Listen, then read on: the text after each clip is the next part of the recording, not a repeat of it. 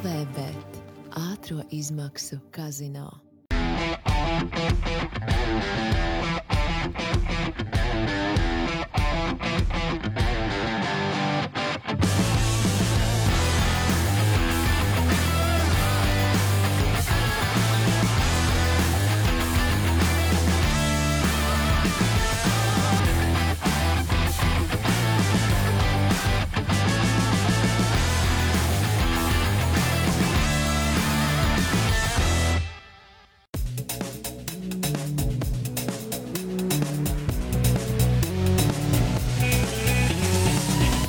F1 LV podkāsts.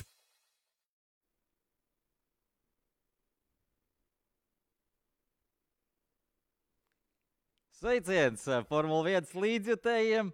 Kārtībā reiz neliela panika pirms tiešraides sākuma, bet esam gaisā, viss kārtībā. Jānis arī ir uz vietas. Čau, Jānis! Čau, čau. Tas smieklīgs bija pirmais, ko visi ieraudzīja. čau visiem foršiem cilvēkiem, kas mūs skatās, un arī tiem, kas mūs klausās. Jā, nu, kārtējais, kārtējais eh, F1 weekends ir pagājis, un eh, mēs ar Aldi šeit kaut ko gu- gudri parunāt. Jā, gudri parunāt, apmēram tā. Mums ir ļoti karsti, Jānis, turklāt nenormālā steigā. Šobrīd pēdējā lieta, desmit sekundes pirms tiešraides, ko viņš man stāstīja, cik maksā kūks bērniem. Jā, manai meitai šodien dzimšanas dienā. Jā, kūks maksā virs 100 eiro.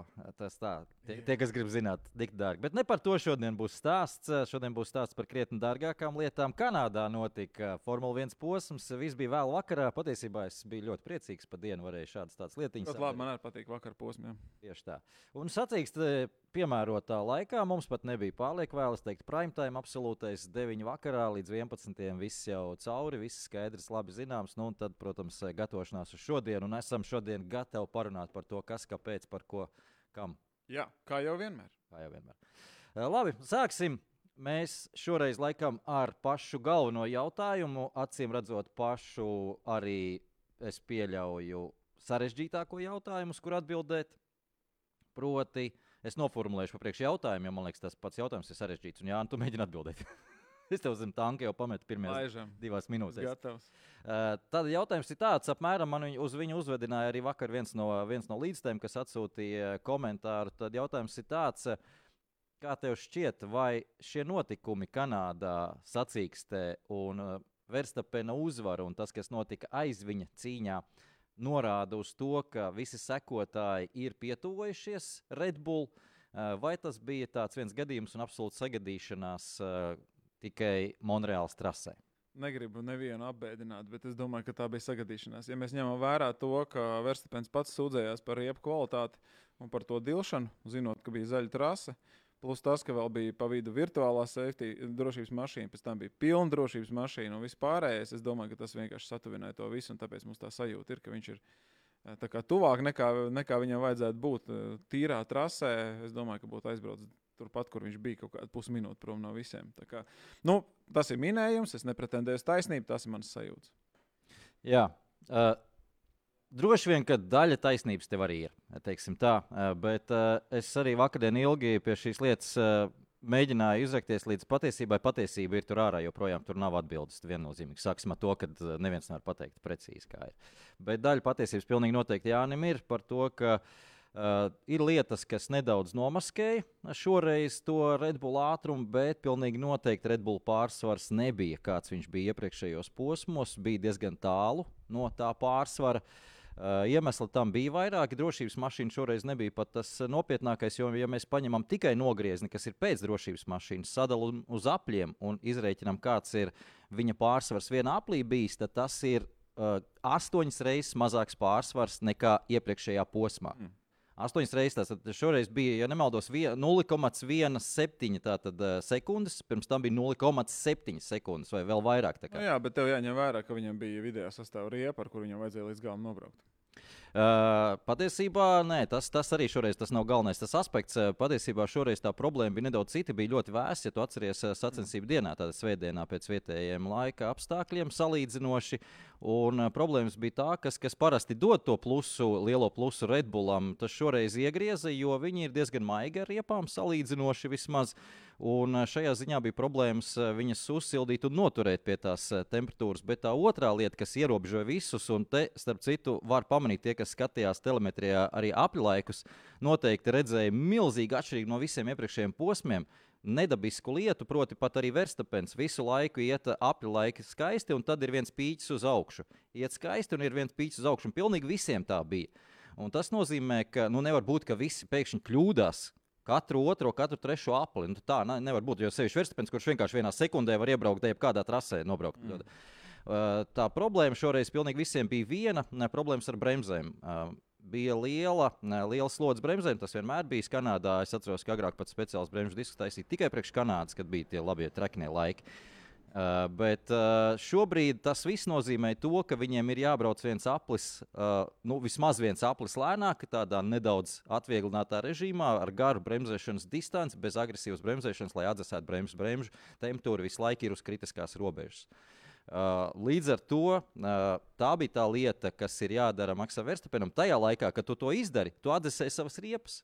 Mm un riepas tev izkrīt nedaudz ārā, tad tu strādā, lai viņas dabūtu atpakaļ pietiekami agresīvi. Bet ko nozīmē agresīvi strādāt? Tu atkal strādā ar bremzēm. Tad atkal tu dzēsē bremzes, un tas nozīmē visu sacīks, tu reāli brauc uz robežu. Tu ātrāk, viņš nevarēja ātrāk pabraukt. Mm -hmm. Tas bija viņa maksimums, bet no, labā ziņa laikam ir tā, ka pārējiem bija diezgan līdzīga situācija. Uh, bet vēl viena lieta, kas tomēr liekas svērties uz to par labu, ka tu, sekotāji bija krietni tuvāk Verstapenam, ir tas, ka, um, kā izrādījās pašā beigās, Alonso pēdējos 20 apļus brauc tajā saucamajā lift and coast. Tu noteikti dzirdēji tiešraidē. Jā, jā. jā. Viņam netika teikts, kas, kas par lietu, kas par vainu. Vēlāk izrādījās, ka komandai parādījies sensorā uh, ir uh, problēmas ar degvielu. Uh, degvielas padeva un bija aizdoms, ka varētu nepietikt degviela. Kā vēlāk izrādījās, tā, tā bija viltus trauksme, viss bija kārtībā bijis, un, bet nu, to, protams, nevarēja to brīdi komanda zināt. Un pats Alonso teica intervijā jau pēc sacīks, ka mēs bez lift and coast būtu cīnījušies par uzvaru. No nu, Alonso ir ar lielu muti. Pilnīgi noteikti. Šobrīd izskatās, ka daudz viņš, viņš runā un runā labi, bet man patīk, patīk līdzstājiem, patīk eh, žurnālistiem. Es domāju, tev arī patīk. Protams. Eh, bet uh, viņi būtu bijuši vēl tuvāk nekā tās 9 sekundes. Un, kā jau teicu, Verstapens. Uh, Ne, nebrauca īpaši lēnāk, un nebija tā, ka viņš varēja lēnāk atļauties braukt. Tā kā būtu bijis interesanti. Ņemot vērā to, ko tu tikko pateici, es esmu tikai priecīgs to dzirdēt. Es domāju, ka jebkurš ir. Jā, bet, bet es vēlreiz atgriežos pie tā, ko tu teici. Tā taisnība tev ir par to, ka tas Kanādas situācija to visu pastiprināja. Un mums būs cita trase, kur tādas situācijas uz robežas nebūs. Un tur tā, tas vairāk izpaudīsies iespējams atkal Red Bull pārsvars. Iespējams, kāpēc saka iespējams, tāpēc, ka nevaram aizmirst, Aston Martin atveduši ir uzlabojums, un viņus Jā. izmērīt mēs nevaram. Jā. Viņi, es domāju, ka šobrīd nodarbojas ar to mērīšanu. Visi terabaiti ar datiem ir savākti, un, un tagad skatās, ko tas dod, ko tas nedod. Tieši tāpat kā Viljams atveda uzlabojumus, divas komandas, kas milzīgus uzlabojumus atveda uz Kanādu, visas pārējās tā diezgan minimāli. Maklārens arī bija, bet ļoti salīdzinoši minimāli. Nu, tā tad tur priekšējais Antispāns laikam kaut kas un sāni bezspēks, tā kā viņi tur solīja. Ne? Nē, uh, tas, tas būs vēl. Būs vēl viņiem tā kā trīs, trīs, trīs daļās būs uzlabojumi apjomīgi tuvākajos Eiropas posmos. Viņi pat nevar vienu atvest, viņi sadala uz trījiem. Kā mums ir nākamais posms. Nāk, tagad ir Austrija. Okay. Bet Ferrari bija vienīgie, kas uzlabojums neatveda. Mēs iesim pa visu pēc kārtas, pak, iz, iztirzāsim, bet es gribēju vēl pat nedaudz parunāt par šo visu situāciju. Tagad, uzzinot šo informāciju, un pieņemsim, ka tiešām ir tuvāk Aston Martin un Mercedes Redbullam, un ka tas ir paliekošs apmēram pārsvars. Nu, pārsvars joprojām Redbullam, būsim godīgi, bet ir tuvāk. Kā tu skaties uz sezonas otro daļu, jo vēl es pielikšu klāt vēl vienu lietu, kas, kas tev jāņem vērā arī varbūt atbildi, atbildot šo jautājumu, ir tas, ka uh, Red Bull visu laiku deklarēja, ka viņi visus savus uzlabojumus liks sezonas pirmajā daļā. Un viņi to ir izdarījuši. Viņi ir ielikuši visus uzlabojumus sezonas pirmajā daļā. Uh, plānā nekas liels turpinājumā sezonā nav. Tas nozīmē, ka viņi strādā uz nākamo gadu, bet viņi, protams, to plānu var pamainīt. Kā tev liekas, kā izskatās sezonas turpinājums? Nu, es atkal izklausīšos pēc vecā īņa, kā donkuļa.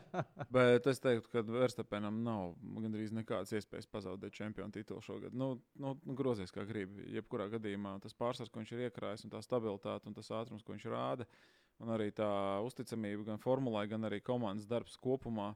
Nerada nekādas vienkārši vairāk tādas bāžas par to, ka viņi nevarētu būt šogad čempioni. Uh, Bet uh, man prieks par to, ka tas viss sabīdās. Bet te ir viena lieta, ko es arī tev gribēju paprasīt, tev viedokli par to. Um, es tieši šurp braucot, es klausījos um, podkāstu ar um, interviju ar Stefano Dominikāli. Un um, runa par visu kaut ko. Nav svarīgi, neiedzināšos tēmā. Galvenais ir tas, ka tas, kas man lika domāt, ir tas, ka tie jaunie noteikumi, tie budžeta griezti vispārējais. Doma ir tāda, ka tās visas formulas sabīdīt tuvāk, tuvāk, tuvāk, lai kā, nu, gandrīz jebkurai komandai būtu iespēja cīnīties par uzvaru. Nu, pieņemsim. Jautājums ir tikai tāds. Tas ir forši, mēs to gribam, jo tas nekad nav bijis. Faktiski tas ir kaut kas jauns, tas ir interesanti. Tajā pašā laikā, vai tas nenozags to pārsteigumu uh, sacīkšu kaifu, ka, piemēram, nezinu, tur Minardi iebrauc punktos, vai tur, piemēram, kā šodien, uh, kā vakar, um, Albons noturēja septīto vietu. Ja visiem būs iespēja cīnīties par uzvaru, vai tas šos pārsteigumu momentus kaut kādā ziņā uh, nenozags? Ja? Jā, tas lika, lika man padomāt par to. Uh, Jo vienmēr tu skrien pēc kaut kā jauna, un tad tu tad, tad domā, vai, nu, un beigās, tad, kad tu viņu dabūtu, nevienmēr es, tas ir tas, ko tu gaidīji.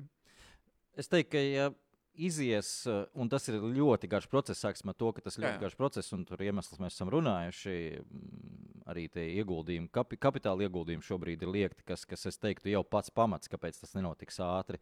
Uh, bet, ja iziesim uz to līmeni, tad uh, atcerieties to, ka mums būs, protams, lielāka dažādība, un es teiktu, ka tas, tas uh, rezultāts būs wow. Uh, bet tas, ka, ka, ko tu gaidi un ko tu gribi, tajā brīdī pirmkārt tam būs ne, nedaudz mazāka nozīme, jo visi jau tā būs ciešāk, un mums kā tādi kā minārdi, kā atpalicēji, tādi kādi nu, teorētiski nebūs. Underdogs. Underdogs tāds izteikts underdogs nebūs uh, teorijā, un, un ja viņš būs, ja būs joprojām tāda komanda, nu, tad, tad iespēja viņam tikt punktos, es piekrītu, būs krietni mazāk, jo visi pārējie būs nu, diezgan cieši. Bet es domāju, ka vienkārši tādas, tādas komandas nebūs, jo kāpēc, kāpēc man ir tāda ticība? Jo šobrīd nav vairs attaisnojuma, lai tāda komanda būtu. Iepriekš vienkārši bija pilnīgi skaidrs, ja, ja tu strādā par grašiem, un tev nav par ko uzbūvēt, nav, tev nav par ko samaksāt cilvēkiem. Tev jāņem pilots, kurš pats maksā, lai tur būtu. Tieši tā, nu tev nav pat variantu, tev nav pat iespēju tur neko. Šobrīd tāda atruna vairs nav. Visas komandas pelna, un tev ir ja prātīgi jāliek tajā visā iekšā. Kā jūs teicāt, kapitāla ieguldījumi ir tā lieta, kas ir jāmaina. Jo, jo ja lielā komanda ir uztaisījusi fabriku ļoti modernu, ļoti dārgu, un tā viņai ir, un ja mazai eh, komandai joprojām tas iet daļai arī budžeta griestos iekšā, jebkāda veida uzlabojumi un, un attīstība un modernizācija, nu tas, tas it kā nav normāli. Līdz ar to tur tiek plānots arī izmaiņas, ka kapitāla ieguldījumi tiks atļaut līdz kaut kādam. Uh, līdzekļiem, nu, robežai, lai, lai tomēr varētu uzlabot. Bet uh, es domāju, ka tajā brīdī nepacelsies vairs mums tāds jautājums, jo Ja mums tāpat būs labāk, tāpat būs uh, labākas komandas, tāpat būs uh, komandas, kur ir vairāk uh, talanti sanākuši, kas būs priekšā, jo tajā brīdī jā, jā. būs niansēs, jau viss aizies. Mums nebūs kāds izteikts, varbūt, varbūt kā tu saki, underdog un minārdi komanda kā tāda, bet būs komanda, kurai. Uh, Būs iespēja izšaut varbūt tiešām tikai atsevišķās posmos, atsevišķās sacīkstēs. Iemesli būs citi, bet tas scenārijs jau beigās būs tieši tāds pats. Nu jā, un, un es domāju, ka lielākā. Um ar šiem noteikumiem un šīm izmaiņām, uz ko Formula 1 iet, manuprāt, aizvien lielāks un lielāks spiediens un uh, lielāka nozīme paliek komandu vadītājiem.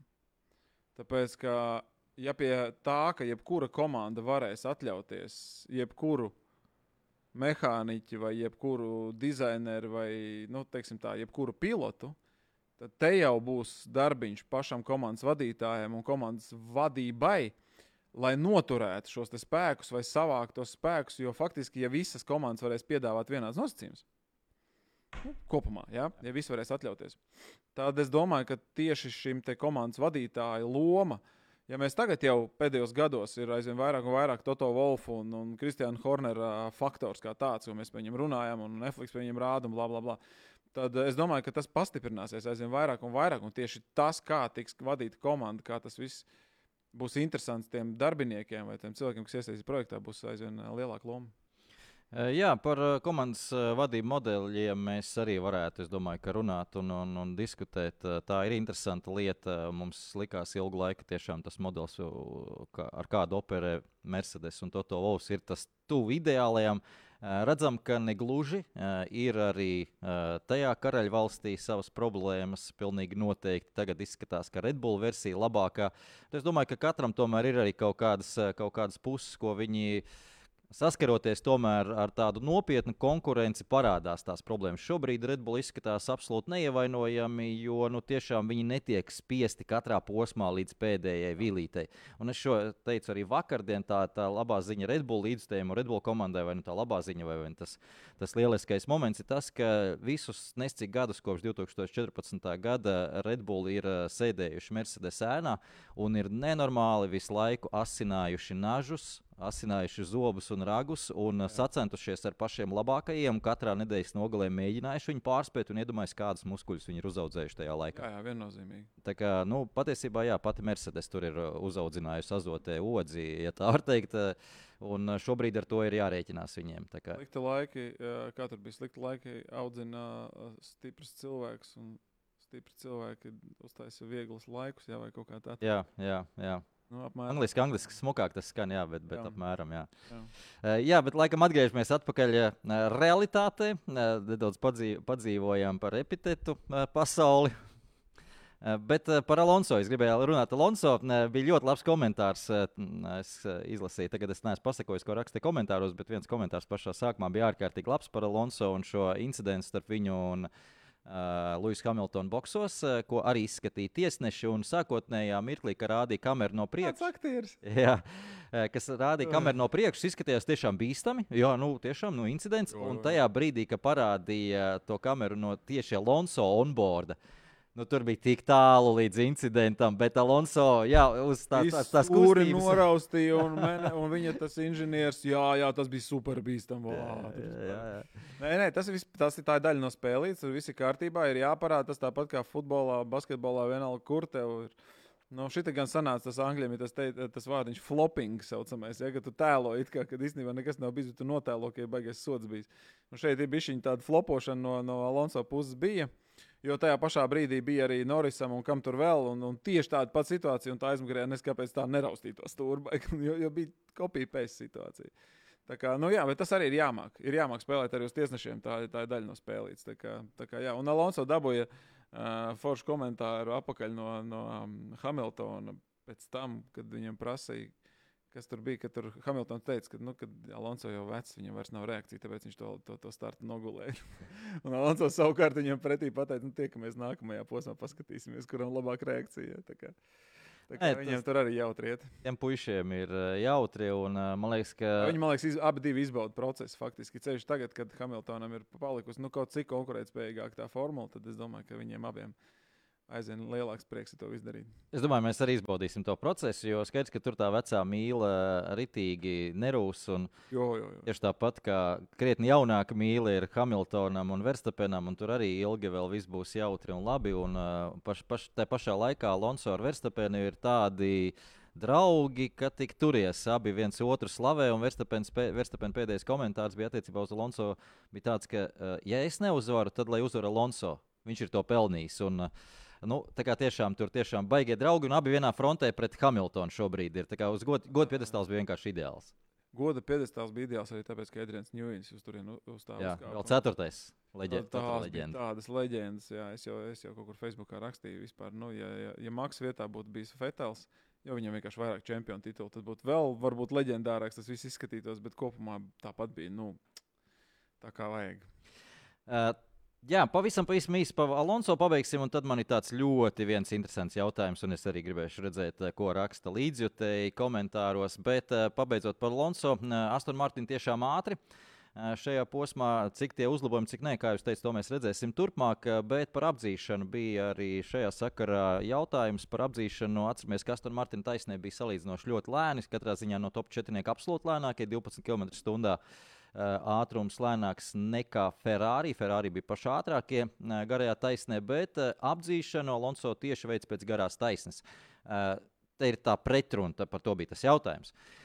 Bet atšķirība ir tāda, ka to apdzīšanu Alonso uztaisīja izējā no tā tālā līkuma, kur savukārt ir ļoti, ļoti liels problēmas Mercedes komandai. Hamiltons to runāja jau kopš piekdienas, ka viņiem nav saķers uz aizmugurējās asas. Ja tev nav saķers, Jānis izstāstīs labāk, nu, es domāju, ka jūs paši apmēram saprotat, ja tev nav saķers uz aizmugurējās sas, kas notiek izjā no pagrieziena. Jā, nu nevar tik ātri atvērt uh, droseli un nevar pātrināties pietiekami ātri no līkuma. Tieši tā, un sacīkšu režīmā tu nevari vienkārši iespiest gāzes pedāli grīdā un uh, gaidīt, kad viss notiksies. Jo skaidrs, ka tev riepas arī līdz ar to tiek daudēts. Tu esi pietiekami uzmanīgs un prātīgs, lai tas viss nenotiktu. Tu esi gauss.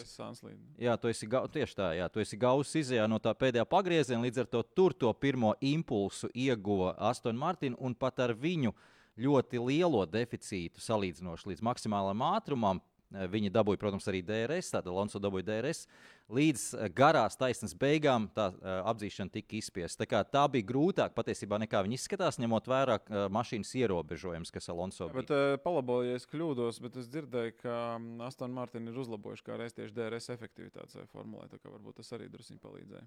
Kaut ko tādu dzirdēju vai DRS efektivitāte attiecībā pret to, kādu maksimālo ātrumu, ko tu vari dabūt, izmantojot DRS. Es tad es saku, lielāks nekā iepriekš bija, kad jā, viņi atvēra DRS. Jā, jā. Par to man nav informācijas. Jā, nu, es, es arī es, es vienkārši dzirdēju ko tādu. Bet, um, tas ir interesanti. Tas nav, tas nav viegli izdarāms. Patiesībā tas ir ļoti grūti izdarīt. Vienkārši visu sezonu runājam par to, ka Redbullam ir šis ļoti efektīvais DRS. Viņi tiešām dabū to maksimālo ātrumu klāt vairāk nekā varbūt citas komandas kaut kādā veidā izmantojot šos te gaisa plūsmas. Tā kā tas ir vajadzīgs, lai tas DRS strādātu labāk, iespējams, ka varbūt Aston Martins kaut ko tādu. Interesanti. Jā, šī lieta būs jāpēt, jo Dans Falovs teica, ka viņiem ir saglabājusies diezgan liela erdiskā berza ar visiem jauniem uzlabojumiem, jo viņa prātā, kas izklausās visai loģiski, ir eh, vispirms pirmais uzdevums jāizpilda, proti, jātiek pie piespiedu spēka līmeņa, kas ir nu, nu, neteiksim, vienkāršāk izdarāms, bet nu, tu saliec attiecīgi aerodinamikas detaļas. Un tad, kad tu esi panācis to efektu, tu sāc strādāt pie optimizācijas, lai tās tavas aerodinamikas eh, detaļas joprojām radītu piespēdē spēku, bet nebūtu uh, vairs tik ļoti. Uh, traucējušas gaisa plūsmai. Jā, tā tad ne, neradīja to ainisko bērnu. Tātad tu Jā. viņu savstarpējo darbību kaut kādā veidā optimizē. Tas ir ļoti sarežģīts process, es pieļauju, un tā tālāk tas nav tik vienkārši. Bet nu, tādā, tādā kārtībā tas ir jādara. Jā. Tā kā redzēsim uz sezonas otro pusi, kā tas viss izvērtīsies. Bet tagad tā lieta, ko es gribēju parunāt ar tevi un ar eh, līdzjutējiem, ko es arī uzliku uh, banerī kā galveno tēmu. Šoreiz 41. uzvara Maksam Verstapenam. Viņš ir noķēris Ayrtonu Senu un nu, diezgan automātiski parādās jautājums. Verstapens un Ayrtons Sena. Oh, es, es zinu, ka es tagad iebāzīšu galvas uh, lapseņu pūznī. Bet, eh, Nevar, nu, mēs varam salīdzināt šos nu, nevaram mēs salīdzināt. Pēc. Nu, tāpēc, ka tās dažādas ēras, tas tāpat kā salīdzināt Jordanu ar Lebronu vai kaut ko tamlīdzīgu. Es nezinu, tas ir savādāk. Jo, Kā arī Twitterī kāds rakstīja, un es pilnīgi piekrītu, nu, ka senas laikā bija 16 posmi vispār gadā, ja, un tagad ir 24 un vispārējais. Un tur, nu, tas tāds, nu, jā, un tā cīņa, nu, cik, Es eh, šajā sakarā es ātri piebildīšu, ka Sena savus 41 uzvaru izcīnīja 161 sacīkstē. Mm. Verstapens to izdarīja 171. Tā kā okay, nu tad, tad, tad tas, tas, tas arguments ir spēcīgs. Jā. Jā.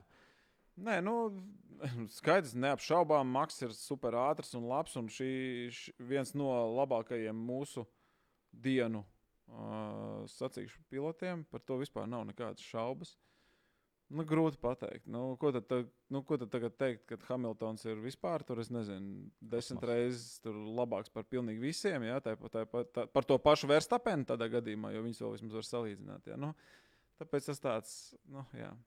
Nu, ir, ir, ir, ir meli, ir liela meli un tad ir statistika. Nu, tad, nu, tas tāds, jā.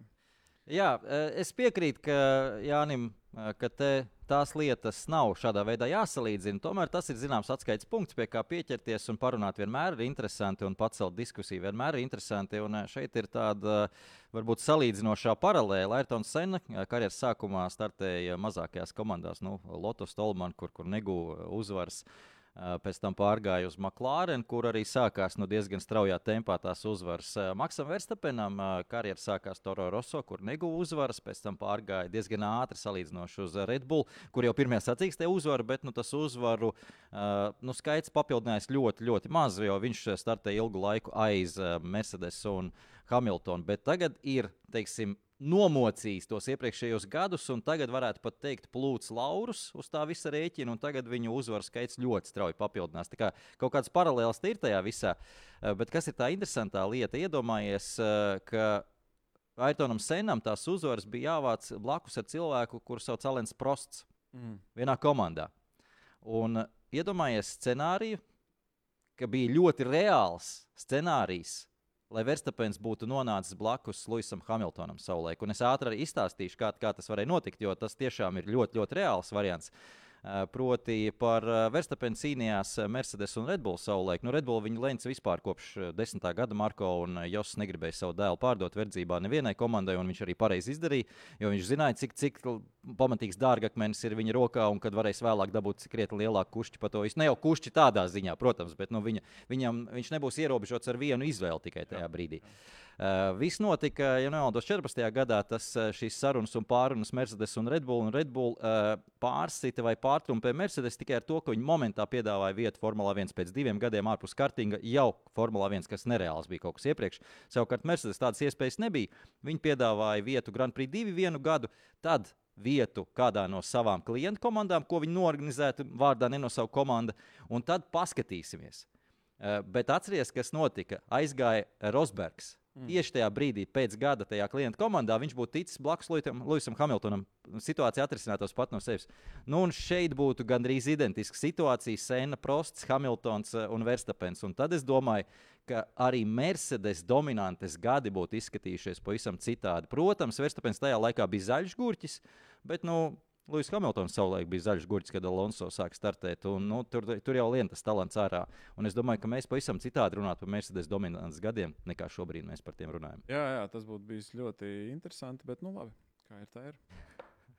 Kā ir tā ir, bet tas būtu ļoti interesanti. Jā. Tā, kā, tā ir tāda. tāda tāds labs mājiņas atpakaļ vēsturē, un par to, ka grūti salīdzināt senas laikus. Protams, es redzu, ka arī tagad cilvēki sāk, sāk rakstīt eh, par šo lietu. Es domāju, es, eh, ja nesanāks tagad, palasīšu noteikti ar interesi pēc tam komentārus, kas ir ierakstīti šajā sakarā. Un neaizmirstam, ka to pašu Alēnu Prostu šogad pilnīgi mierīgi eh, arī var noķert, jo 51 uzvara ir Alēnu Prostam, tā kā 10 vēl jāizcīna šogad, lai noķertu. Jā. Uh, noķert arī Alēna Prosta šajā uzvaru skaidziņā. Un turpat vēl, vēl priekšā divas uzvaras ir Sebastians Vetels, un tad jau, tad jau trešā vieta, un tad gan ļoti tālu līdz, līdz Mihailam Šumacheram un, un Luisam Hamiltonam.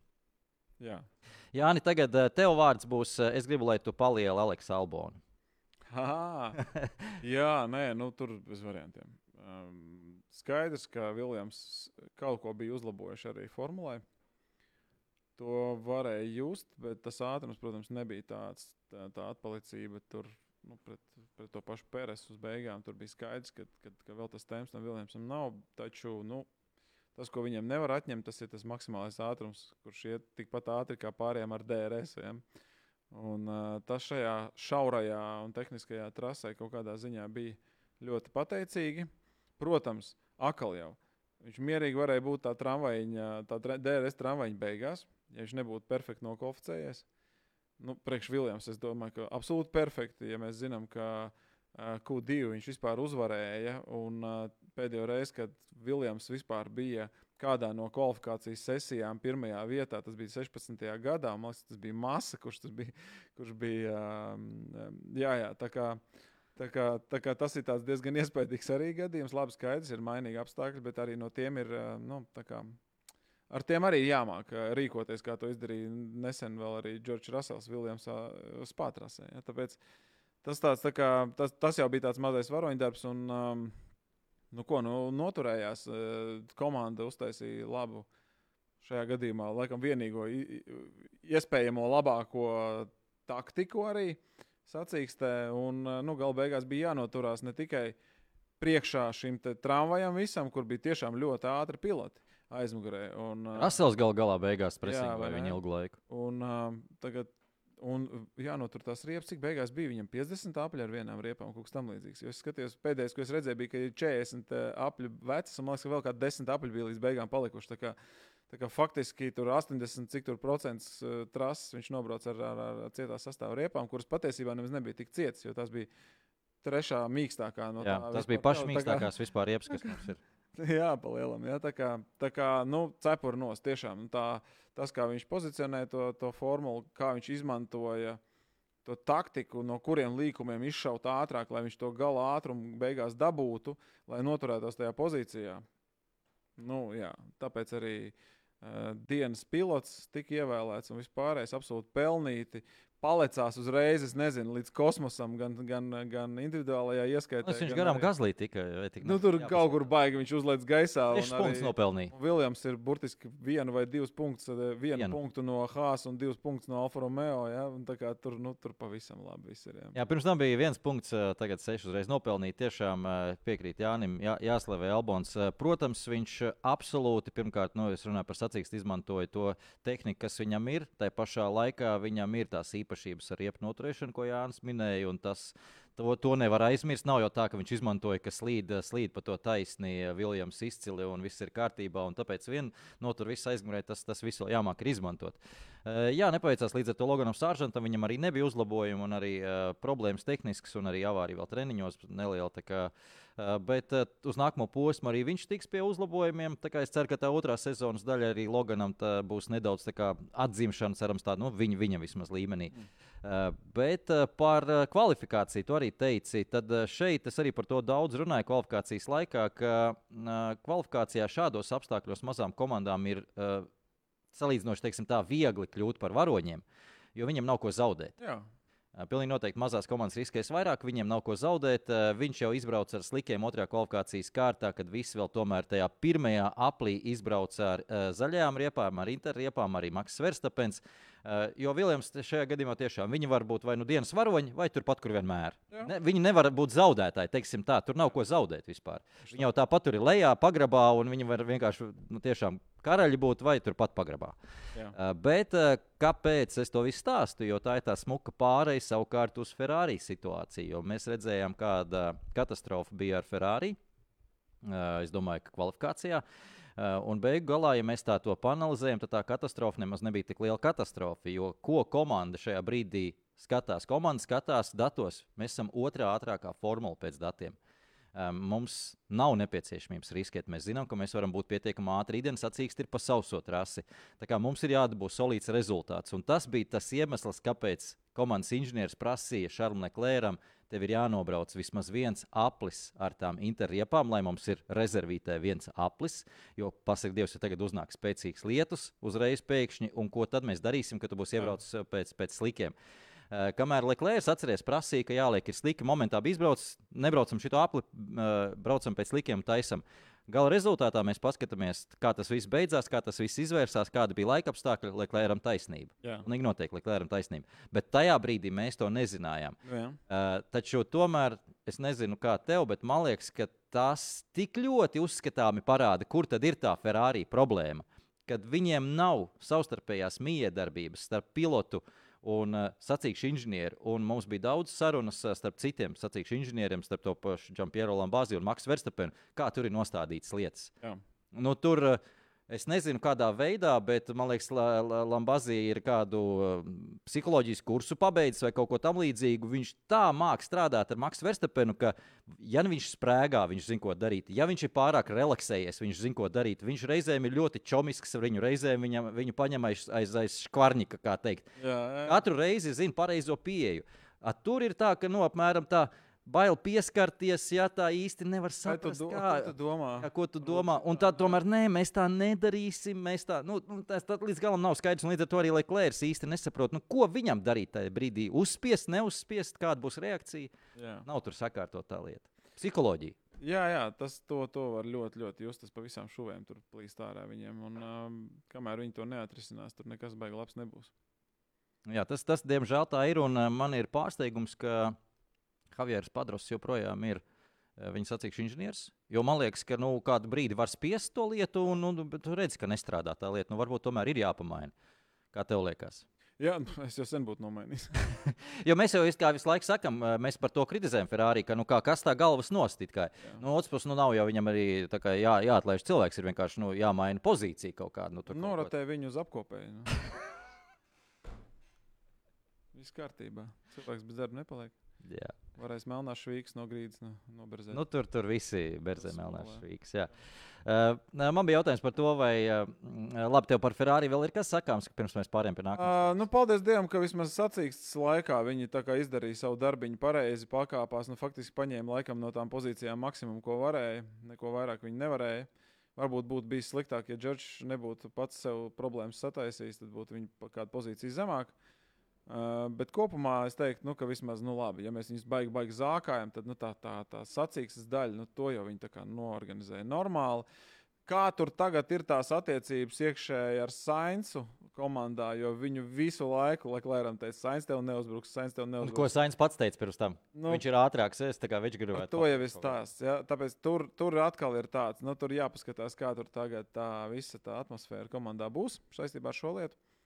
Bet eh, no otras puses, no komandas viedokļa, nu, jā, visdrīzākais tāpat nekas nemainītos. Tāpat viņi nebūtu noķēruši tur Hamiltonu vai Alonso. Arī tas pats Sainz nebūtu ticis galā līdz to paņemt drošu 4. un 5. vietu, kas viņiem arī bija faktiski tajā brīdī maksimums. Manuprāt, no komandas viedokļa bija prātīgi. Jā, tiešām otrais lielākais punktu skaits, kas izcīnīts vienā sacīkstē, mm, ir šajā, šajā Kanādas gonkā priekš Ferrari. Jā, tā stratēģija, es jau sacīku, laikā teicu, nu, beidzot, vismaz izdara visu labi ar stratēģiju. No otras puses, nu, šeit aizšaut garām nu, bija ļoti grūti. Tas, tas, tas laikam bija. Nu, tā drošības mašīnas tas brīdis, tur, tur varēja viņi pārcensties atkal, bet nu, kaut kā noturējās. tomēr. Jo, jo nu, viņi visu pirmo sacīkstu daļu sēdēja aizmugurē šajā vilcieniņā, DRS un garām netika. Un tajā brīdī ir pilnīgi skaidrs, ka, ja mums ir ātruma pārsvars un joprojām rezervē riepām, tad mums ir jādara pretēji tam, ko dara visas tās lēnākās formulas, kas ir priekšā. Nu, tur, Jā, jā. tur laikam tas pat ir grāmatā uzrakstīts, stratēģija grāmatā, un tur nav jādomā. Līdz ar to laikam tur aizšaut garām nevarēja. Nu, paldies Dievam, ka neaizšaut. kā Arī māca arī acīm redzamās lietās aizšaut garām. Tā kā labi, ka Jā. šoreiz nenotika. Kā, kā es teicu, jāpaslavē, pilnīgi noteikti, bet eh, nepārspīlēsim. Nebija tā, ka viņi tur brīnumu Jā. meistarklases parādīja stratēģijā. Eh, Tā, tā kā viss kārtībā ar eh, Ferrari vismaz šeit, bet skatīsimies, kas būs nākamajos posmos, kur atkal sāksies problēmas. Un, starp citu, arī bija jā, komentārs par Hāzi, kas viņiem no 5. vietas startā uz 15. finišā, Niko uh, Hukenbergs. Bet, uh, Neaizmirstam, ka Hāzs ir līdzīga situācija un vēlreiz divi, kā Ferrari, proti, vienā aplī ātri sacīkstē ēd riepas, salīdzinot šoreiz gan Ferrari izskatās, ir kaut kādas zālītes atraduši, tas, tā, tā bija lieta, ko viņi teica, ka viņi strādā jau vairākus posmus. Ja tiešām tā ir, Tas varētu būt viens no pagrieziena punktiem, jo ātrums ir tai formulai, un ja viņa neēdīs tās riepas sacīks laikā, tad mēs ar Ferrari varam rēķināties. Nu, protams, nezinām vienmēr stratēģiju, ko viņi sarēķinās, bet, bet uh, ja neēdīs riepas, tad krietni labāk tas viss izskatīsies. Kamēr līdz Hāzs tiks tā tendence. Paies ilgs laiks, jo no Hāzes ir uh, tiešām, kā jau teicu, reizes divi vēl Ferrari. Atcerieties, ka Hāzes vienkārši ir Ferrari. Tikai mazāks, ne, uz- ne uz tādiem steroīdiem un uh, audzis ēnā, laikam tā jāsaka. Bet, bet uh, kopumā tas ir Ferrari. Un līdz ar to tur arī tās problēmas izaug. Vienā aplī viņi ir super, super ātri, sacīkstē, nu, jābrauc cietās, ir mainīti jau pēc 20 apļiem. Jā, bet tad, kad viņi ir super, up- super duper ātri vienā aplī, tad ir tikai viens no diviem pilotiem, kurš to super duper ātrumu izmanto. Tas man pārsteigums ir drusciņš šogad. Jā, man arī. Man arī. Es, es atbildu šim jautājumam, šim jautājumam nezinu. Es redzēju, Magnusens bija ik pa brīdim arī treniņos un kvalifikācijā. Ik pa brīdim viņš bija, bet Nikola Hugenbergs tur bija nu, 9 no 10 reizēm. Magnusens tur bija 3 no 10 reizēm. Līdz ar to nu, it kā ir, bet ne tik stabili. Tas, tas, tas ir jautājums. Jā. Uh, Jā, bija jautājums arī ļoti sakarīgs šajā, šajā sakarā par Astonu Martinu situāciju. Neiesim apakaļ pie Alonso, par pa to, ka Alonso ir ciklēties, mēs zinām. Bet aizvien vairāk paceļas jautājums par Lansu Strolu. Un, šeit es gribu zināt tavu skarbo komentāru. Es ceru uz to ļoti ātri iedošu kontekstu tam, tam komentāram tavam. Proti, pirms posma Laurents Strols Vecais Strols paziņoja, ka mēs Kanādā, ma manās mājās, varam tikt ar abām mašīnām uz godu piedestālu. Uh, pats Lans Strols paziņoja savukārt, ka pilnīgi noteikti mājas uh, viņam iedos papildus enerģiju, un tas ir kā devītais pārnesums viņam. Uh, sacīkšu nedēļas nogalē. Viņam ir treniņos avārija, kvalifikācijā viņš ir absolūtā nekurienē, uztaisīja bloķēšanu, nepalaižot, nobloķējot trasi, dabū trīs pozīcijas sodas, nevar uzsildīt riepas. Paliek pirmajā kvalifikācijas kārtā, man liekas, viņš pirmajā Jā. izkrīt. Ā, Paliek pirmajā kvalifikācijas kārtā, un sacīkste, starp citu, viņam ir tipiska kopija-paste no visām iepriekšējām Kanādas sacīkstēm. Viņam vienmēr Kanādā ir švaka kvalifikācija, un tad viņš kaut kā ar milzīgām pūlēm tiek līdz maziem punktiem. Uh, arī šoreiz viņš to izdarīja. Vismaz kaut ko saglāba no tās nedēļas nogales, bet nu, līdz uh, piedestālam tur kā līdz mēnesim. Tad kas notiek ar strolu? Man ir tikai viens jautājums, vai mēs tiešām uzskatītu, ka Aston Martina ir atzīmes, ja Aston Martinā būtu divi stroli pie stūres šogad. Nu, es Tieši par tā. to jautājumu. Jā, tāpēc, ka, nu, kur viņi būtu? Kaut kur tur, kur Alfa Romeo? Nu, ja mēs paņemam, cik strolam punkti ir, jā, nu, kur viņi būtu, nu, kaut kur, kaut kur tur, jā, sliktāk pa McLaren laikam. Tāpēc, nu, tas tā kaut kā, jā, nu, e- e, es domāju, ka stro... skaidrs ir viens. Jebkurš pilots šobrīd mūsdienās Formulā 1 ir super ātrs, super profesionāls pilots. Par to nav šaubu. Jautājums ir tikai tajā, cik stabili tas pilots var performēt dažādos apstākļos pie dažādiem nosacījumiem. Un stabilitāte ir šausmīgi svarīgs faktors. Uh, tie mūsu citplanētieši tie var stabili performēt visu laiku ļoti augstos rezultātos. Savukārt pārējie plus mīnus ir uzdevums noperformēt kaut cik stabili. nu, tā teiksim. Savukārt Strolam ir tā problēma, ka viņš var izšaut vienu posmu no 15 ļoti labi, un pārējās viņš ir kaut kur pilnīgi nekur. Un, nu, tas vispār nekādos rāmjos neiet kopā šobrīd. Viņš, nu, ja man tagad būtu mm, jāsalīdzina, ja man būtu jāizvēlās divi nu, tādi, kas šogad sūdīgi performē, divi piloti, kur izvēlētos. Nu, ja man jāizvēlās starp Strolu un Devrīs, es paņemtu Devrīs. Nu, tā, apmēram. Es neņemtu nevienu. Jā, es tev saku, bet ja ir jāizvēlās no jā, diviem nu, labi. Jā, ļaunumiem, jā. ja tā var teikt. Jā. Labi, Devrīs arī bija interesants, interesants puisis. Jā. Jā. Tāds laikā, labi. Uh, par, par strolu, jā, es, es piekrītu, ir jāsakritizēt. Un man vienā brīdī bija arī sezonas sākumā tā doma, ka vēl var, vēl var viņam dot, lai, lai jau puika pabrauc. Un varbūt tētis ar tā lēnām, lēnām pierod pie domas, ka nu, tas puika ne, nav tajā līmenī. Un vēl jau Astonas Martina nav, un tur, tur vēl ir laiks. Bet šobrīd ir pagājušas uh, astoņas gongas, nu tā bija devītā, viena nav notikusi, astoņas sacīkstas. Un pilnīgi skaidrs, ka tās ambīcijas, ko jau ir nospraudušas Astonas Martina, nu pilnīgi nekādā veidā tur tas, tas otrs vezuma vilcējs nevar pavilkt. Nu, ir jāmaina viņš nost. Normālos apstākļos tas tiktu izdarīts, un te kārtībā. Redbullā viņš jau būtu divus posmus apakaļ. Oi, nu, tur, ne, viņš nebūtu ticis Redbullā. To. Nē, nu labi. Bet uh, te ir tas lielais jautājums uh, tagad Laurencam Strolam. Tu visu dari fantastiski, visu naudu esi ieguldījis, un, un tavi vārdi ir tādi, ka es visur, kur eju, es uzvaru. Nu, tad lūdzu atbild par saviem vārdiem. Šobrīd tev ir jāsāk atbildēt par saviem vārdiem. Nu, tad vai nu, tu gribi uzvarēt, vai nu, tu gribi, lai puika, puikiņam ir feini viss. Tā, tā, tā ir tā, tā, šobrīd ir tā lieta. Jo, Neapskaužamā situācija. Vecais strāls. Nē, nu, es domāju, ka visa pasaule viņam uzsist uz pleca tajā brīdī, kad viņš puika ieliktu rezervistos. Jā, izņemot puiku pašu. jā. O, ko puika? puika jā, skarbam jābūt tētim, ir jābūt skarbam. Pret, nav tā meitiņa, tā nav meitiņa. Nu, beidz. Zini, tev ir meitiņa, bet tad, kad tev būs puika, nu, tad savādāk viņa audzinās. nekā Var jau meitiņa. būt. Jā. Protams, Jā. protams. Puikam ir jābūt salauztam kaut kādā brīdī, un tas puikas tas nav bijis salauzts. Jāsalauž. Jā, salauž. Jāsalauž. Nezinu, man liekas, ka tas nav vajadzīgs. Bet, nu, labi. Jā. Labi, uh, lai, lai teicis, pats audzina puiku, bet nu, redz, tā problēma ir tāda, ka visa pasaule to redz un visa pasaule to skatās. Līdz ar to katram ir viedoklis par to, kā ir strauji jāaudzina. Un, bet, uh, kāpēc es to visu saku? Paskaties, čempionāta kopvērtējumā, uh, konstruktora kausa ieskaitē. Šobrīd ta, tie punkti, kas pietrūkst, ir tie, kas pietrūkst līdz Mercedesam, un tie, kas pietrūkst, lai būtu tur priekšā Mercedesam pārliecinoši. Jā. Šobrīd Alonso viens, viens to dara visu, un, un otra lieta, par ko es tev nenormāli piekrītu, ir tas, ka iedomājies bez Alonso, nu, ielikt tur, nu, es nezinu, tā grūti atrast tādu, nesauksim nevienu pilotu vārdā, lai nebūtu apbižošana, bet ielikt ne Alonso tajā formulā, Aston Martin, blakus Strolam, un mēs pat nezinātu, uz ko ir spējīgs Aston Martin. Jā. Mēs nenojaustu nemaz. Jā. Mēs domājam, nu, viņi ir uz to spējīgi. Nu, kā viņi bija pagrabā, nu, tagad viņi nav īsti pagrabā, bet nu, tur bija šī kaut ko var. Mēs tā domājam, tas ir normāli. Malači ir progresējuši. ja. Patiesībā mašīna ir spējīga uz godu piedestālu pārliecinoši. Mm -hmm. Ar strolu mēs to nezinātu, un nezinātu arī ar, ar daudziem citiem. Jā. Jā, jā, tas ir, un tas ir tas Alonso efekts. Tas ir tas viņa uh, kaut kāds X faktors, laikam, kas spēj ne tikai izspiest no tās tehnikas, kas ir iedota maksimumu, bet arī izspiest no visas komandas viņam apkārt maksimumu, no visiem cilvēkiem izspiest maksimumu. Ielīst, eh, mācīt, mēģināt ielīst zem ādas uh, citiem konkurentiem, mēģināt tikt galā ar tiesnešiem un tā tālāk. Un tā joprojām. Tas tur ir ļoti, ļoti daudz šķautnes, kurās Alonso ir labāks un krietni labāks par daudziem citiem. Manipulēt ar publiku un, un turēt īsā pavadā visus žurnālistus. Viņš ir apbūvēts. Audzēties ar pareizajiem pilotiem. Jā, tas, viņš ir apbūris visu padoku un, un, un uh, uztaisīja tiešām tādu uh, Boks ceļā, kā mēs te runājām, notēloja pamatīgi, un neviens pat neko tur. Mm, tas tikai ir Lonso, viss kārtībā. Tur. Jā, bet redzēji, atkal jau tu vari spēlēt to politiku un darīt visas šīs lietas un runāt ar cilvēkiem, bet tev tomēr ir sava, sava pozīcija jāaizstāv rezultātu trasē. Viņš jā. to izdarīja. Jā, piekrīt.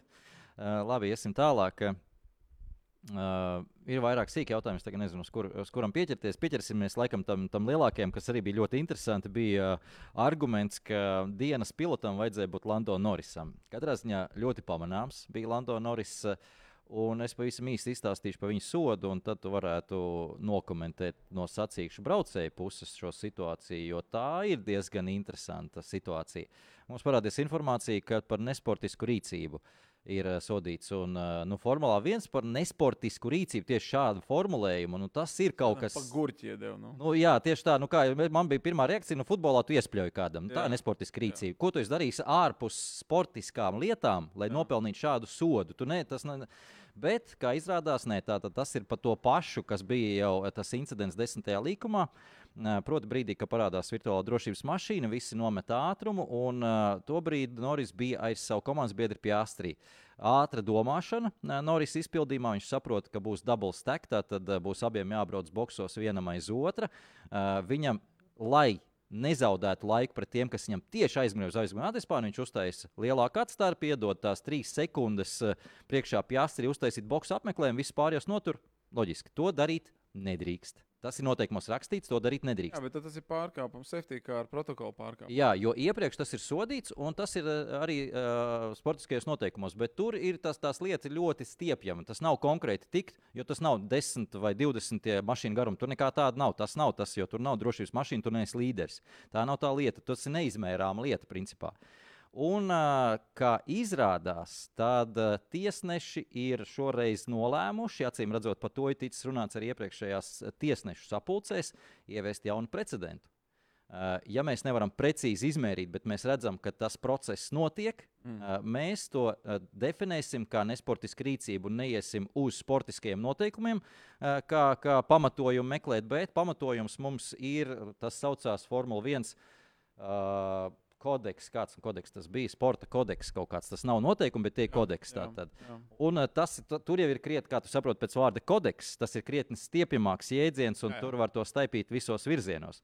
Un it kā pēc būtības, pēc tam arī Andrejs Stela teica, ka es piekrītu tiesnešiem, ka uz to situāciju tā vajadzētu raudzīties, un tas ir pareizi. Bet kāpēc sākt ar mums, un kāpēc, ne, un kāpēc neinformēt par to iepriekš? Jā. Tā bija tā problēma, ka nebija caurspīdības. Un... Nu, jā, noteikti. noteikti. Bet eh, nu, kādā ziņā es piekrītu tiesnešiem, ka šāds tūlis viņu rokās varbūt nemaz nav slikta lieta.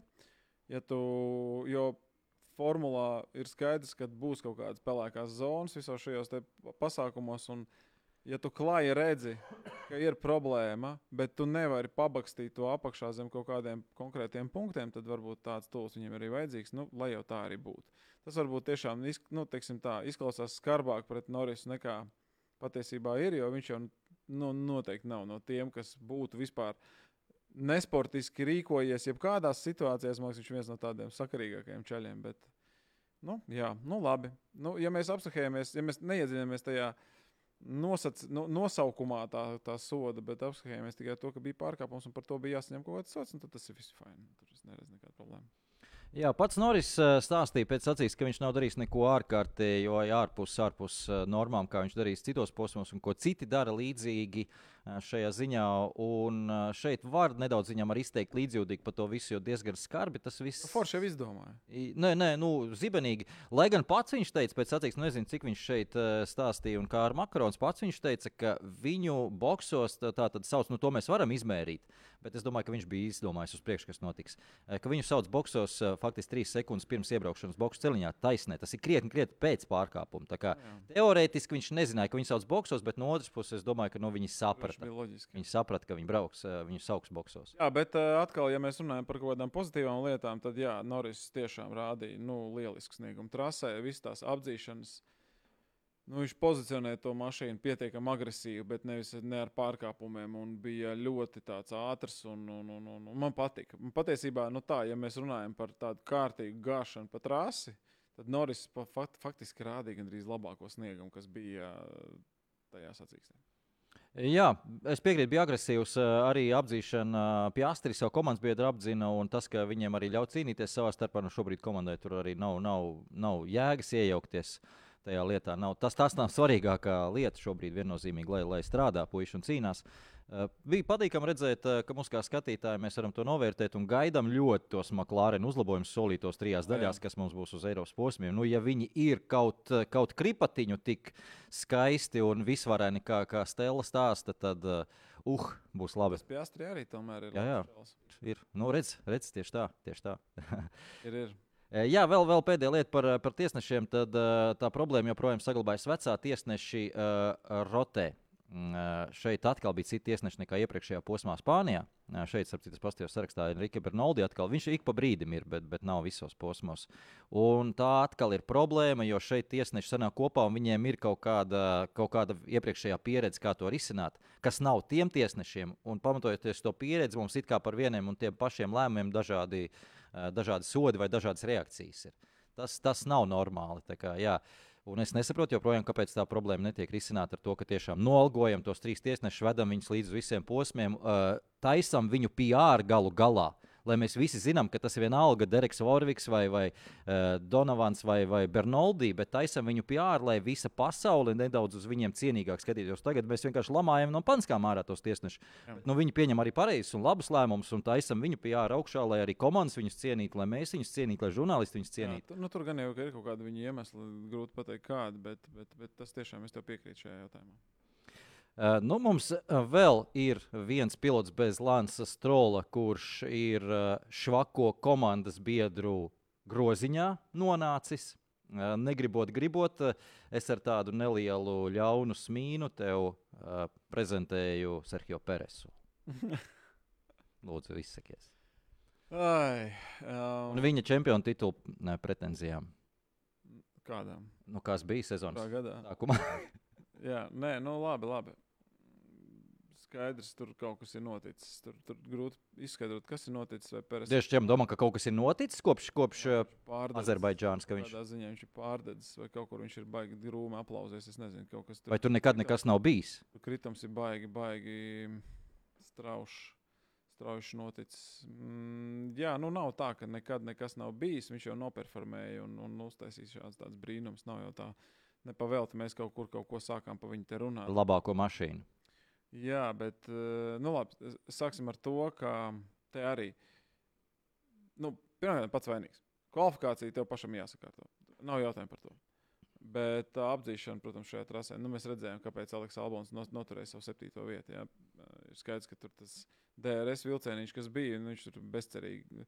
Bezcerības zeme, zeme tā ir kaut kāda vienkārši pilnīgākā. Un, uh, tāpēc arī bieži formula komandas sauca savējos iekšā uz uh, pitstopiem kaut kādās bišķiņa neiedzīgos liekas laikos, tikai tāpēc, lai tajā DRS tramvajā viņi nebrauktu un dabūtu tīru kaut kādu trasi, lai varētu kaut kur aizmukt prom. Skaidrs, jā, tas ir jāņem vērā, protams, bet uh, es nemēģināšu viņu attaisnot, jo, nu, Nē, nu skaidrs, ka tev, tev grūti. Nu, tas tāpat kā Botas, man liekas, vienā brīdī salūza. Nu, vienīgais tas, ka Botas vismaz performēja kaut cik prātīgi, un, uh, bet, bet skaidrs, ka viņš tika nolikts pie vietas un, un, un, un nemaz nemēģināja pretendēt uz kaut ko vairāk kā otrā vieta aiz, aiz Lūijas Hamiltona savā laikā, bet vismaz viņš bija otrajā vietā. Un, uh, un, un tā ar Pēres, nu jā, te ir, te ir traki. Un, un, un galvenais, ka pavisam traki. Jo, uh, nu, vienīgais labums, un tas nav Pēres lauciņā labums, uh, vienīgais labums, ko Pēresa performance varētu parādīt, ir tas, ka, kas, ka tev ir taisnība par to, ka citas formulas ir pievilkušas Redbullam klāt. Jo faktiski uh, pat šādā trasē, zinot, cik tas liels bija tas Red Bull formulas pārsvars, nu, viņam tomēr vajadzēja izcīnīties nu, vismaz līdz trešajai vietai. Jā. Tā, kā, tā kā tas ir tāds, jā. Jā. Jā, labi, es tādu dikti skarbs biju pret Peresu. Protams, sezonas sākumā patiesībā jau es arī ķēros pie tā Peresa salmiņa kādā brīdī. Gribējās. Jau. Jā, jā, gribējās. Bet eh, šajā posmā ļoti uzskatām, ļoti uh, izģērba Pērēs līdz pēdējām apēnēm. Jāsaka, tiešām jau kvalifikācija. Patiesībā jau treniņos uh, problēmas bija abiem. Starp citu, kas interesanti, jā, problēmas piekdien bija abiem ar aizmugurēju asi. Un tās problēmas Pēresam saglabājas visu nedēļas nogali. Uh, Verstapēns tika galā uh, ar viņām uz sestdienu jau. Kā kādā veidā nemāku teikt, bet uh, fakts pats par sevi. Kvalifikācijā ļoti līdzīga stratēģija kā Verstapenam, bet ar to pašu neko nevar izdarīt. Tā tad nevar ne tās intereses uzsildīt līdz vajadzīgai temperatūrai. Tad saprot, ka jāmaina, tur sāksies neliela panika, jo laiks iet uz beigām un lietus nāk virsū. Nevar dabūt arī tās vairs pie dzīvības, atpakaļ uz interiem. Nu, tur jau ir panika, tur viss ir ugunsgrēks tajā brīdī. Uh, Tas, tas bija traki. Un sacīkstē, ka, kas vēl trakāk, atcerieties, ka viņš izmantoja tieši to pašu, ko Ferrari. Tā tad uh, palika trasē, ārā no visas tā DRS vilcieniņa, viss labi, viss pareizi. Bet uzlika video sastāvu salīdzinot ar Ferrari, jo Ferrari sākuši bija ar uh, vidējām, attiecīgi, uzlikt cietās. Un viņš nespēja pietuvoties Ferrari ar vidējā sastāvā riepām. Ferrari brauca ar cietā sastāvā riepām. Protams, tur nav mežonīga atšķirība, tomēr atšķirība ir. Tomēr ir atšķirība. Jā, gan uzsildes ātrumā, gan visā pārējā. Uh, Jā, līdz ar to ta, tur ir diezgan liela plaisa, un es piekrītu uh, tam, ta, tanī, ka, ka izskatās, ka ir pārējie piebraukuši tuvāk, kā tu saki. Tomēr tas arī ir pierādījums, ja Peres tik ļoti tur pazūd iekšā tajā. Nu, nevaram mēs pilnīgi visu norakstīt uz Peres. Kā, nu, tomēr nav viņam pussekundes pārsvars pār pārējiem, tā kā viņš nevar jau atcerēties, ko viņš izdarīja, kurā posmā tas bija apzina, noķēra apzina Sainz. Tas bija iepriekšējā posmā, sacīkstēties Spānijā. Apzina Sainz no kuras tur pozīcijas. Uh, noķēra. Joprojām izmantoja to, ka ir tas Red Bull pārsvars. Nu, nebija Kanādā tas pārsvars vairāk. Jā, pilnīgi noteikti. Tas laikam priecē kaut kādā ziņā. Jā. Uh, nu, un vēl paskatāmies uz tādu statistiku, astoņos posmos. Viņš četros nav ticis trešajā kvalifikācijas kārtā, un tagad trīs posmus pēc kārtas viņš to nav izdarījis. Tad viņš ir palicis otrajā kvalifikācijā. Tas jau ir traki. Tas jau ir traki. Jā. Uh, tā, Mums ir pāris minūtes eh, palikušas. Es redzēju, viens no līdzstiem bija atsūtījis uh, atsauci uz mūsu ar tevi tēmu, ko mēs runājām iepriekšējā vai aiziepriekšējā podkāstā. Par to, ka kas būtu, ja izmainītu punktu sistēmu, tā tad dotu, uh, nu, šajā gadījumā bija tieši konkrēts risinājums 15 piltiem punktus. Mm Eh, jo uh, viņš atsūtīja arī video, kur, kur ir fanu, fanu acīm redzot, video, kas, kas ir aprēķinājuši, kas notika ar Jā. čempionātu kopvērtējumu. Uh, un tur diezgan liels iegūms. Es ātri uzmetu aci, man nebija godvārds, nebija laika daudz to pētīt. Es ātri uzmetu aci. Lielākais ieguvējs Cunoda, kas ir aiz punktiem uzreiz bijis ļoti jā, daudz. Līdz jā. ar to viņš savāca tur punktus, viņš palicis pār, garām tur pāris piltiem. Zaudētājs bija, ja nemaldos, Gazlī. Nu, vēl tur pāris man drusciņi pamainījās pozīcijām, bet Cunoda ir tas lielais lēciens. Uh, Labi, pavisam ātri mums nav daudz laika. Kāds, kādas ir tavas eh, domas par šādām izmaiņām? Eh, Abstrahēties no tā, kurš tur uzliek augšā, kurš nē, vispār kopumā, ko tu domā par to visu? Es domāju, ka tas eh, būtu izskatāms pro process tajā brīdī, kad tiešām visas komandas ir satuvojušās un tas vidus ešalons ir šausmīgi piebāzts un uh, līdzīgs. Es pieļauju, ka varbūt tas varētu kaut kādā ziņā atsvaidzināt šo visu pasākumu. Bet uh, kopumā es neesmu beigas fans. Es domāju, ka tās, ja puse no pelotona dabū punktus, nu, tā kā pirmie 10 no 20 mašīnām, un ja, nu, jā, varbūt tas būs pretrunā pret to, ko es tikko pateicu, bet palielam es domāju, ka pietiks arī ar to. Ja ceļš, ja visi varēs pacīnīties par tiem punktiem, tad varbūt nemaz nav tik slikti, jo tas veikals sabiedrīs tās cīņas par tām pozīcijām varbūt vairāk. Jā, jo... Jā, man, man nav tāds viennozīmīgs viedoklis. Es vairāk paspriedi, lai vienkārši mm. skaļi padomāju. Jā, nu, protams, kas, kas mēs vispār esam, lai baigtu mētātos baisiem viedokļiem, mēs varam tikai spriedelēt pa lielam, bet uh, es, es piekrītu, ka Es neesmu ļoti pret, bet es neredzu īsti, ka tas kaut ko mums mežonīgi atrisinātu tajā lietā. Tas vajag, lai cīņa par tas, uzvaru. Tas, ka Cunoda iegūta, nu, prieks, protams, visiem, bet uh, vienmēr viens kaut kur nedaudz iegūs, viens nedaudz zaudēs. Uz desmit uh, tādām pozīcijām arī tas tieši tas pats ir. Varbūt tā vilkme pēc punktiem būs uzreiz netik uh, garšīga. Jā, un otra lieta ir tas, ka tiešām desmit, tas ir kaut kāds punkts, tiešām ir jau svētki. Jau, jau redz, komandai Albons vienkārši ir ekstāzē, viņš tos punktus dabūja. Un, un tomēr ir tev jāpacīnās līdz tam, un tiem pietiekami daudz paliek bez punktiem. Man liekas, ka tā ir jāsaka lieta, ka paliek bez punktiem joprojām cilvēki daudz. Jo skaidrs, mēs pamainīsim, tur viss tur tas dabūs punkts, nu, redz, bet pēc tam mēs teiksim, čiksies, nu, redz, viņš 16. vietā tik daudz reizes bijis. Ir. Nu, vajag tā vēl iedot kādam punktu. Mums indikārā dod pirmiem 50 punktus. Jā. Uh, tur ir uz starta 26 formulas. Visi saņem punktus. Vienīgais noteikums tev ir jābūt uh, distancē, running. Līdz ar to viņi ļoti cenšas uh, kaut ar, kaut ar 15, 20 apļu atpalicību sataisīt mašīnu atpakaļ trasē. Jo, ja tu nefinišē, tev ir nulīte. Okay. Savukārt, ja tu finišē 26. vietā ar milzīgu atpalicību, tu joprojām dabū pietiekami daudz punktus. Okay. Tā kā tur tas savādāk to visu padara. Līdz ar to es teiktu, tā, vai nu dodam visiem, un arī kaut kas no indīkāra, ka te ir tāda mistika, vai mēs paliekam pie desmit, un tomēr tas ir nedaudz svētā lieta, punkti ir tomēr kaut kas īpašs. Jā, jā, nu es domāju, Saglabājam to, to teiksim, ja 15. Kāpēc? Nu, tad, kas te ir 5? Tad beigās tad tos, nu, tad tā. Nu, tā ir man, tās ir manas domas, bet uh, jā, nu, vienmēr, kā jau teicu, te plusi būs viena ieguvēja, būs vienā gadījumā, tur ieguvēja vai zaudētāji būs citi, citā gadījumā. Paldies, Jāni! Bija patīkama pirmdiena. Es zinu, ka tev ir jāskrien pakaļ kūkai. skrien pakaļ kūkai. Jā, tā kā no, novēlam Jānim bez satiksmes, bez sastrēgumiem eh, šodien Rīgas ielas, lai viņam arī veicas eh, meitas dzimšanas dienā no mums visiem sveicieni no Formule 1 līdzstiem. Ar jums tiksimies vēl pēc divām nedēļām. Patiesībā ļoti strauji mums nāk Formule 1 posms virsū, bet pēc divām nedēļām Austrijas lielās balss izcīņa Eiropas posms pierastie laiki. Jā, tieši tā. Tā. Tiekam. tā.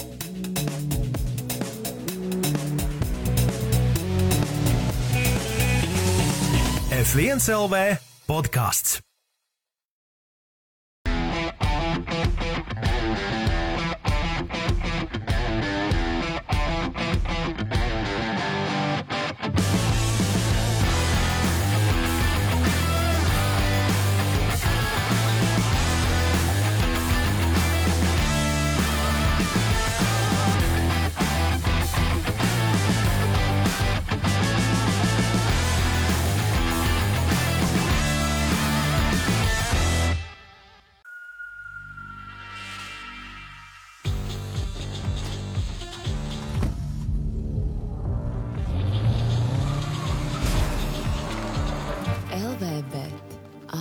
LVB ātrā izmaksu kazino.